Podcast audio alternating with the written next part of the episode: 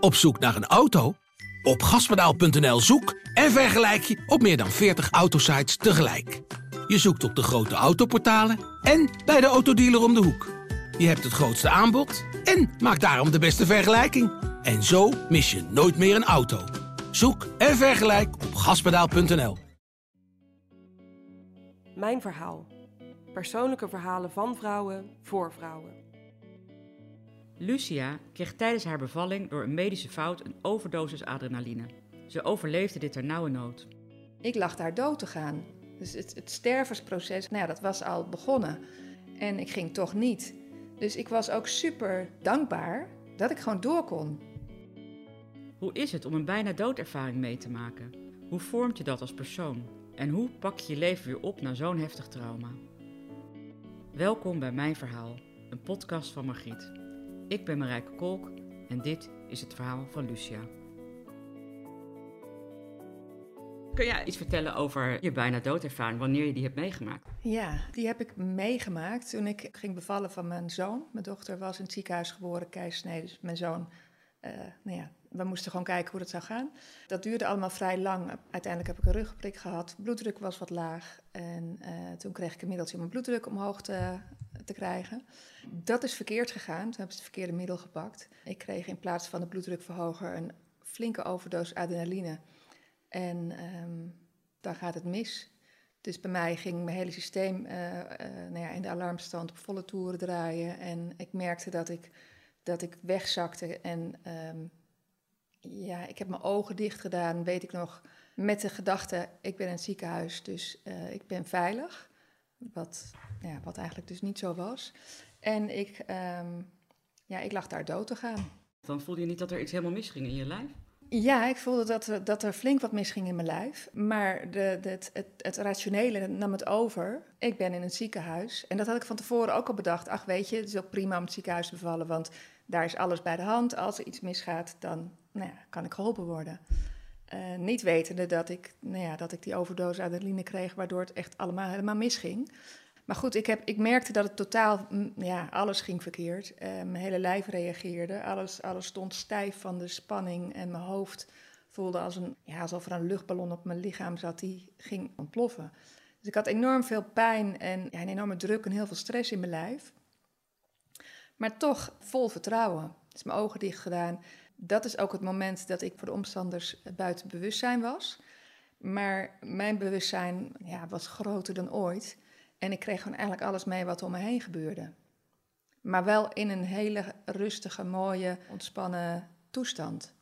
Dus eigenlijk was je helemaal uit die nou ja, stress, want er gebeurt natuurlijk van alles. Ja, ik voelde de pijn niet meer in mijn lijf. Uh, maar er kwam een enorme zachtheid voor terug. En ik was in die kamer. Maar op het moment dat ik aan mijn partner dacht, die eerst nog naast mij stond en toen niet meer, wat ik me afvroeg van hé, hey, waar is die? Dan was ik ook op de gang en dan was ik bij hem.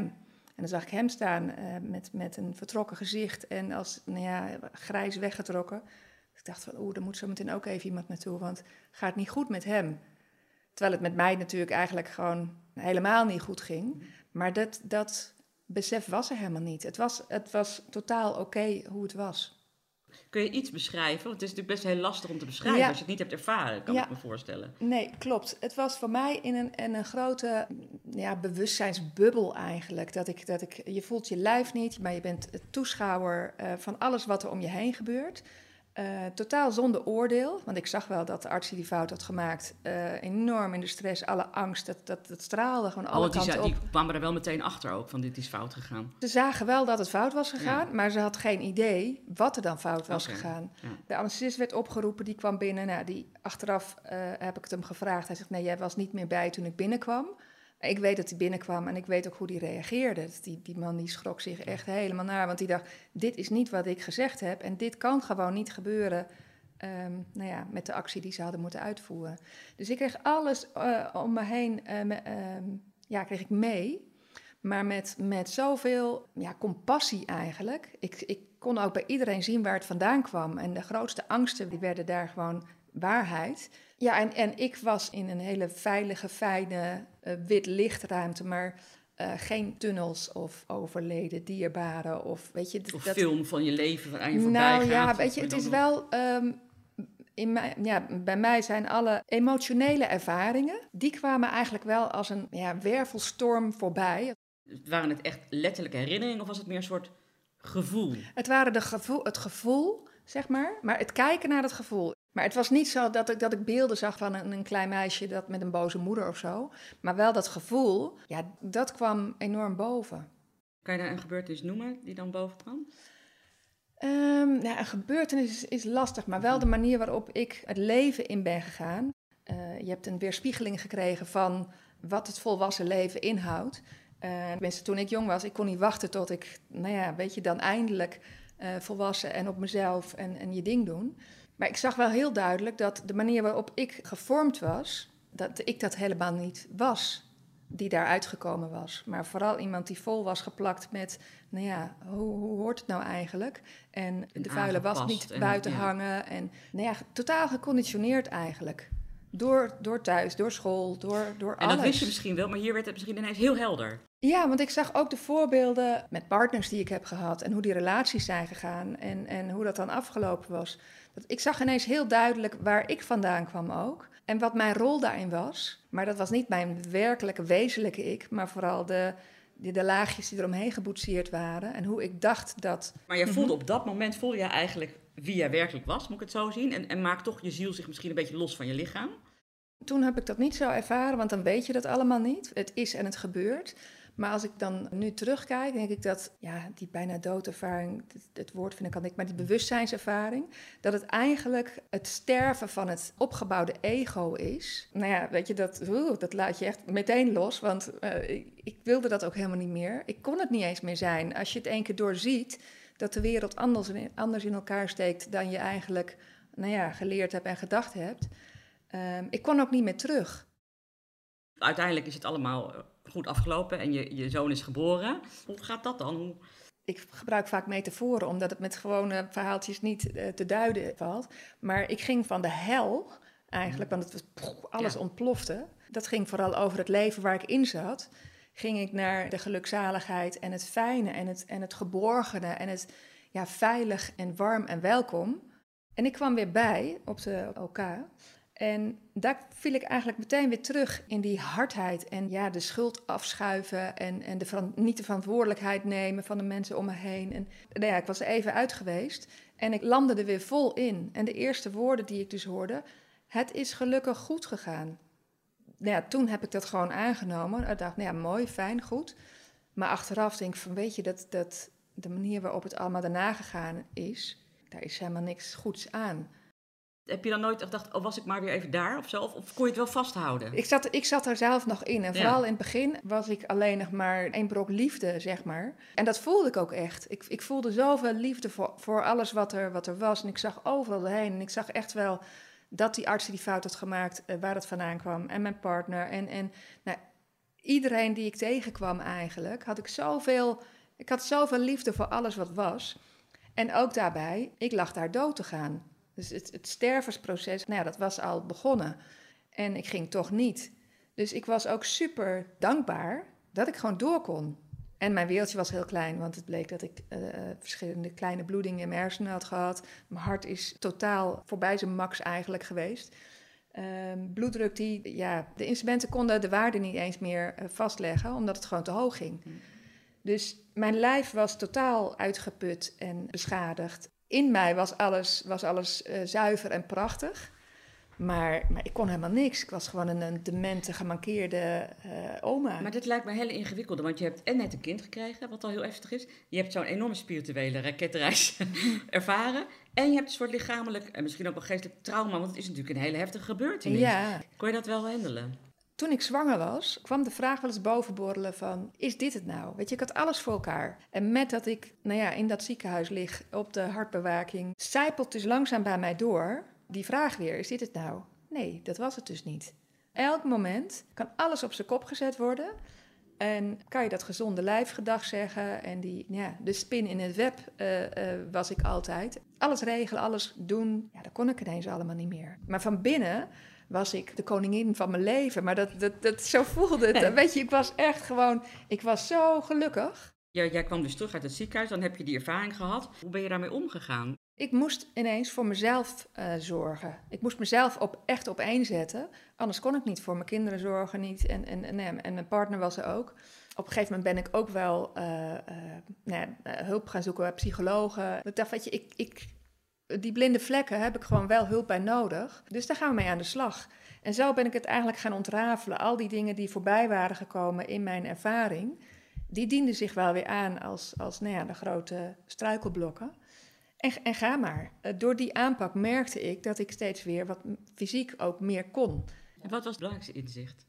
Nou ja, dat, dat, uh, het, het, het zorgen voor jezelf. En niet eens gewoon lekker een dagje naar de sauna, maar gewoon ook gewoon naar binnen gaan en zien wat daar ligt.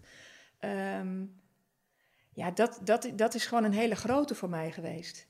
Maar ook dat alles doordrenkt is met, met liefde. Dus voor jezelf zorgen is dat, maar ook je, je woede uiten, als er woede is, uit dat. Weet je, dat is ook liefde. Je bent uiteindelijk uh, bij je man weggegaan, of jullie zijn uit elkaar gegaan. Ja. Je moest dan ook wel iemand pijn doen, of was dat niet hoe jij dat toen voelde? Nee, want ik, ik deed de hele tijd al iemand pijn. En dan was ik zelf. Want ik ging eigenlijk op heel veel stukken aan mezelf voorbij. Als je vaak genoeg hoort, wat jij wil, doet er niet toe. Uh, mond houden, stil zijn. Denk je dat iemand op jou zit te wachten. En dat is dan vanuit de jeugd, hè? Wat je ja, vertelt, denk ik. Ja. ja.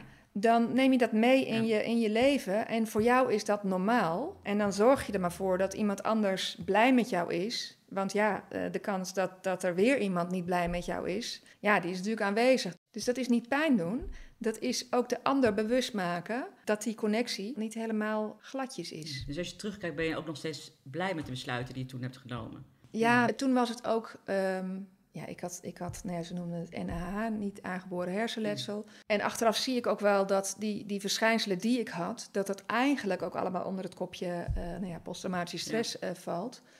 Dus ik ging en um, ik merkte dat dat ook de enige manier was om te gaan. Want als ik ergens bij na ging denken, dan, nou ja, dan kwam de kortsluiting en dan, dat werkte gewoon niet. Hmm. Dus ik, ik maakte keuzes die ik achteraf gezien dacht van, wauw, oké, okay, nou dat heb ik zo gedaan. Zou ik nu misschien ja, niet eens meer zo doen, want wow, dat is toch best wel een, een stap geweest. Maar toen was het allemaal uh, vanzelf. Ben je intuïtiever geworden? Heb je ook anderen beter kunnen aanvoelen? Um, ja, maar, ja en dat, maar dat is ook weer een dubbele. Want ik weet ook dat getraumatiseerde kinderen uh, leren ook om een ander te lezen. Maar of je het bij het rechte eind hebt, is natuurlijk een tweede.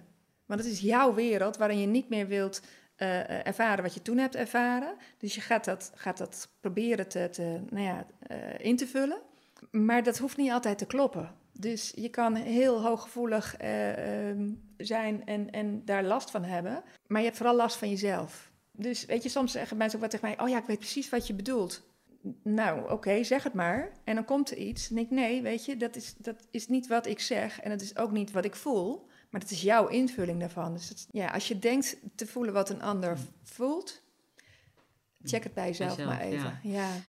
Hoe ziet jouw leven er nu uit? Ben je gelukkig? Ja, ik ben zeker gelukkig. In eerste instantie wilde ik weer terug naar waar ik vandaan kwam. Dus ik ben op een gegeven moment ook nou ja, heel snel eigenlijk weer aan het werk gegaan. Ik wist altijd wel dat het met mij wel goed kwam. Op wat voor manier ook. Ik had geen beeld van wat goed was, maar dat ik wel gewoon vrij en gelukkig uh, daarin zou zijn. En elke keer als mijn wereld ietsje groter was, dus in het begin naar de supermarkt, uh, dan merkte ik, wow, de totale overprikkeling was het.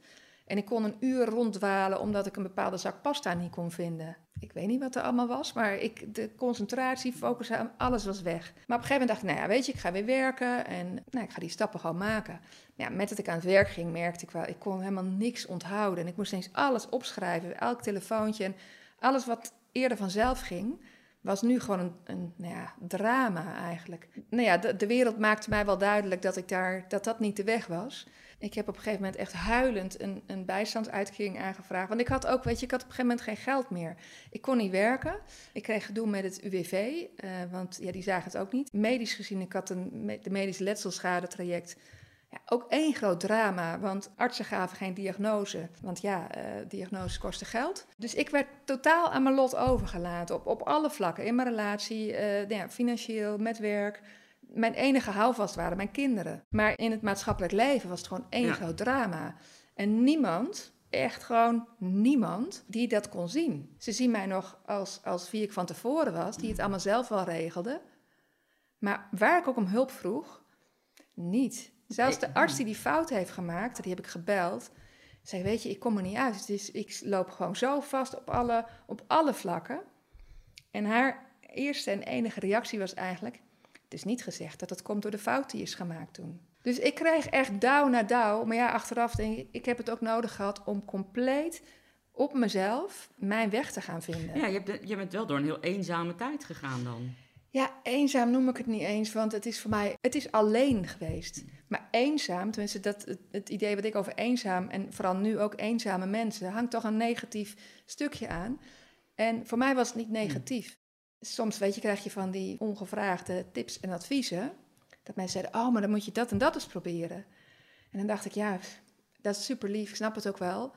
Maar ja, daar zat ik vijf jaar geleden. Mooi dat jij dat nu net ontdekt hebt. Wat zoals? Dat ik wel eens EMDR kon uh, Ah, ja, proberen, want dat had haar zo goed geholpen. Of mensen die zeiden, ja, ik heb ook meegemaakt wat je hebt. En dan dacht ik, nou, dat is mooi, weet je, want dan, daar heb ik wat aan. Overdoos adrenaline en, en alles wat er, terwijl je kind geboren wordt, eh, nou ja, vermoord worden door de arts die je vertrouwt. Nou, weet je, leuk, fijn, kunnen we... Ik, ik heb mijn clubje gevonden. Ja, en dan kwam eruit, ja, want, want nee, ik ben ook bij mijn man weggegaan, want hij begreep me niet. En eh, ik had een, een whiplash gehad en toen, eh, nou ja... En dacht ik, weet je, dat is die- in jouw wereld, jouw Ja. drama. Eh, maar je kan trauma's Die wegen zijn natuurlijk nooit hetzelfde. het is nooit hetzelfde. En, en ja, als je mij dan tips gaat geven op een niveau waar ik al voorbij ben, dan zeg ik dank je wel. Ja. Maar ik kom er niet veel verder mee. Op een gegeven moment, toen merkte ik al van, weet je, ik, moest, ik was gestopt met werken, ik moet gewoon revalideren. En maar in welke vorm wist ik ook niet. Toen heb ik met de vader van de oudste besproken, oké, die, die, die, gaat, die komt bij jou wonen. Ehm, mijn zoon ehm, ja, was toen drie en de grootste handenbinder. Dus ik dacht, ik, ik merkte, ik kan niet revalideren drie dagen in de week met twee kinderen waar ik nog voor moet zorgen. Nou, de jongste ook van ja, sorry, maar ik kan, ik kan er nu niet voor zorgen. Dus die is bij zijn vader gaan wonen. Ik heb, ik heb zoveel weerstand over gehad, maar ook van moeders. Hoe kan je dat nou doen? Ik was juist een goede moeder, omdat ik wist, ik moet eerst voor mezelf zorgen. En daardoor, dus ik zag mijn kinderen om de 14 dagen. Ik woonde overal en nergens en dan weer bij iemand in en dan weer tijdelijk een huisje daar en daar. En dan hield dat op en toen was ik op een gegeven moment dakloos, weet je. En dat zijn van die dingen die ik voor mijn, nou ja, mijn, mijn overgang of mijn, Mhm. mijn omslag... had ik daar nog best wel ideeën over en oordelen eigenlijk van... nou ja, heb je het ook wel verprutst als je, als je daar belandt. Maar ja, ik belandde daar dus zelf ook. Ik had niks, voor mijn gevoel Nee, had ik niks dus gewoon, ja. verprutst. Maar Ja. er zijn momenten in je leven dat het wendingen neemt... waardoor je dus ineens in eh, eh, situaties terechtkomt... waar je uit nou ja, wil komen of niet, maar ehm, ja, je hebt het ermee te doen. Een kennisvriend van mij zei toen van, ja, weet je, dit, dit... Want toen zei ik ook, dan ga ik naar het leger dus zelf. Zei, ja, weet je, dat kan niet, weet je. Ik, ik, nou ja, ik vind je een bijzonder mens. Je hebt, je hebt een, een bijzondere plek in mijn hart. En ik heb een kamer over, kom dan maar bij mij wonen. En dan, weet je, we kijken wel, we zien wel. ehm, nou ja. Dus ik had onderdak, mijn kinderen waren er welkom. En daar kon ik weer een beetje opkrabbelen. Dat ik, dat ik een dak boven mijn hoofd had. En waar ik toch een, een vorm van veiligheid, zeg maar, had. Alles was weggeslagen. Weet je, van het vertrouwen in het ziekenhuis naar eh, het vertrouwen in de relatie die je hebt. Nou ja, dat, er gebeurden ook dingen dat ik dacht, dit past niet bij mij. Dat gaan we niet doen op die manier. Dus constant keuzes maken. eh, eh, eh, ja, vanuit een, een, nou ja, wat ik eerder zou denken, eh, zou het lomp over kunnen komen, lomp en bot. Maar het was optimale zelfzorg. Maar hoe is je leven nu? Ja, nou nu, ik heb, ik heb dus ehm, nog steeds mijn uitkering. Want ze zeiden ook, weet je, het is juist voor mensen zoals jij, die zo over de rand zijn eh, geschopt eigenlijk. Ja, als dit is wat jij nodig hebt, nou ja, dat is gewoon, dat, we zijn er voor jou. Wauw. Eh, later kreeg ik ook iemand, nou ja, een, een hulptroep, zeg maar. En die zei ook van, ja, weet je, ik ben er voor je. Wat er ook is, ik ben er voor je. Dat was in die 50 jaar dat, dat ik besta, was dat de eerste die dat tegen mij zei. En die kinderen wonen, komen die nog steeds dan af en toe bij jou? Of? Mijn dochter is nu eh 22, dus die woont op zichzelf en die, ehm, ja, die, gaat, die, die, die is zo, nou ja, ik zie daar ook veel van mezelf in terug ook. Die gaat lekker de gang en, en Ja, we hebben het er van de week nog over gehad. Ze zegt, weet je, ik doe ook echt wel wat met de dingen die jij zegt en doet. Ik zeg, maar andersom is dat ook zo. Dus wij kunnen heel mooi elkaar Ja, ook ja. eh, spiegelen. Het cirkeltje is een beetje rond. Waar het toen begonnen is, daar ben ik nu terug. Ik woon weer op, nou, het is nog geen vijf minuten lopen van mijn zoon. Hij is gewoon weer eh 50% van de tijd bij mij. We hebben ons leven samen ook weer terug. De hele, hele COVID was voor mij echt gewoon zalig. Want ik heb zo de tijd met hem kunnen oppakken weer. Van één keer in de 14 dagen een weekend.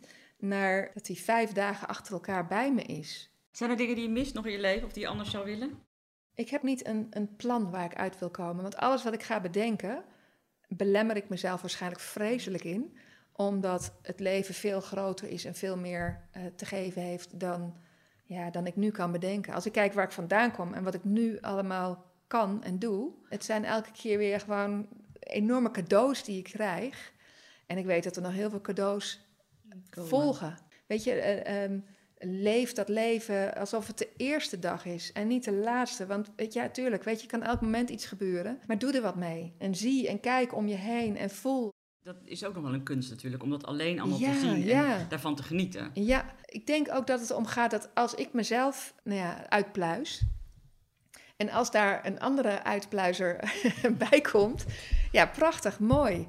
Maar ik heb nu ook al de ontmoetingen die ik heb. Dat zijn voor mij ook al de mini-relaties, omdat je daar ook uithaalt wat je nodig hebt. Heeft die hele ervaring nou jouw kijk op de dood, eh, of, en of misschien wel op het leven, veranderd? Zeker op het leven, want die is echt door de centrifuge gegaan. Het is zo bijzonder wat er allemaal is en daar, dat, dat zie ik gewoon elke dag. Ja, het is niet zo dat ik 's morgens op, jubelend opsta en oh, ik mag weer, want ik heb vaak dat lijf, dat, dat geeft ook nog wel aan. Even rustig aan. Dus wat, wat ik allemaal, waar ik allemaal in wil springen, ehm, dat komt wel. Maar ik sta nooit stil bij dood eigenlijk. Maar het is gewoon een logisch gevolg van leven. Toen mijn dochter eh, nou ja, echt klein was, nou ja, vader en ik gingen uit elkaar. Toen eh, speelde het wel iets door mijn systeem van, eh, als er iets met mij gebeurt, ja weet je, dan is zij ja, alleen. Maar toen ik aan het doodgaan was, heb ik geen seconde gedacht, oh jee, dit gaat mis met haar. Of, of nu is zij alleen en dat kan niet. Het was eerder een besef, dat is zoals het is. En zij redden zich wel. En zij, zij nemen alles wat, wat ik ben geweest in hun leven, nemen ze sowieso wel mee. Ik hoop dat, dat ik alle facetten van het leven mag eh, ervaren in de tijd die ik heb. Nou dit zijn de onderdelen daarvan en die heb ik nodig gehad. En ik zie dat ook ehm, weer terug in het leven van mijn dochter en in mijn zoon en, en in allemaal mensen om me heen. Maar deze twee zijn delen van mij. Wonder van jou, ja. Ja. Ja. en dat doodgaan, wat moet je ermee? Ik hoor van, ja, ik ben bang voor dood. Denk ik, hoe kan je nou bang zijn voor iets wat je niet kent, maar wat, wat de enige zekerheid is ook die je hebt? Ja. Er komt een keer een eind aan. Je hebt niet in het begin iets meegekregen waarop staat, jij hebt zoveel jaar, zoveel dagen, zoveel minuten en zoveel seconden en dan is het afgelopen. Je hebt nul garantie, dus volg wat er in je opborrelt. En dat zijn de leukste ervaringen die je, die je kan hebben eigenlijk. Ja. Ja, als je altijd op de veilige weg blijft. Ja. Eh, dat, gaat, dat gaat je niet verhelpen van doodgaan hoor. Dus wat meer leven, go with the flow, iets meer dus eigenlijk. Ja, weet je, leef, leef, leef, leef. En, en noem het niet lijden, maar, maar ga maar voelen. We hebben afgeleerd om te voelen, want alles wordt in, in banen geleid en, en dit is de bedoeling. Helemaal niet de bedoeling. Voel en ga. Dit was Mijn Verhaal, een podcast van Margriet. We vinden het leuk als je op onze podcast abonneert of een reactie achterlaat. Wil je meer inspirerende verhalen horen? Ga dan naar margriet.nl slash podcast.